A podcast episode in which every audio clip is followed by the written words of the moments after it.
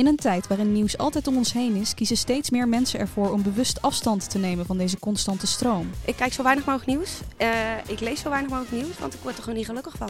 Op een gegeven moment ben ik ook gewoon echt even gestopt met werken. Dat ik gewoon dacht, ja weet je, ik moet nu aan mezelf denken. Want het wordt gewoon te veel. Weet je, zoveel dingen gebeuren om je heen. En je zit echt in zo'n weerwar van ellende eigenlijk. Wie zijn deze nieuwsmeiders en de media? Hoe gaan ze om met de kritiek en proberen ze het vertrouwen te herwinnen? Mayra, als je dat zo hoort, zou jij het kunnen, zo in de rechtbank zitten om zo'n verhaal aan te horen? Uh, nee, nou ja, maar dan zou ik denk ik drie nachten niet slapen.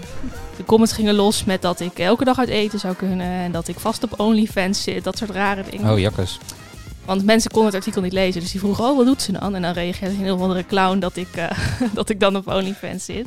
Dus eigenlijk hoor ik je zeggen, um, dat vertrouwen is gedaald omdat wij gewoon niet goed genoeg meer zijn. Klinkt uh, heel erg wel, maar ik denk dat dat meespeelt. Ik heb soms de indruk zelf, het is te veel. Uh, ik zit hier met een, een informatie-tsunami. Kunnen de mensen dit aan? is dat nieuws allemaal even relevant. Vertrouw jij het nieuws in algemene zin? Nooit. Never, nooit niet. nee, echt niet. Ik zou de media nooit vertrouwen. Dit is Niks Nieuws. Tot de volgende. I Wanna hear you go.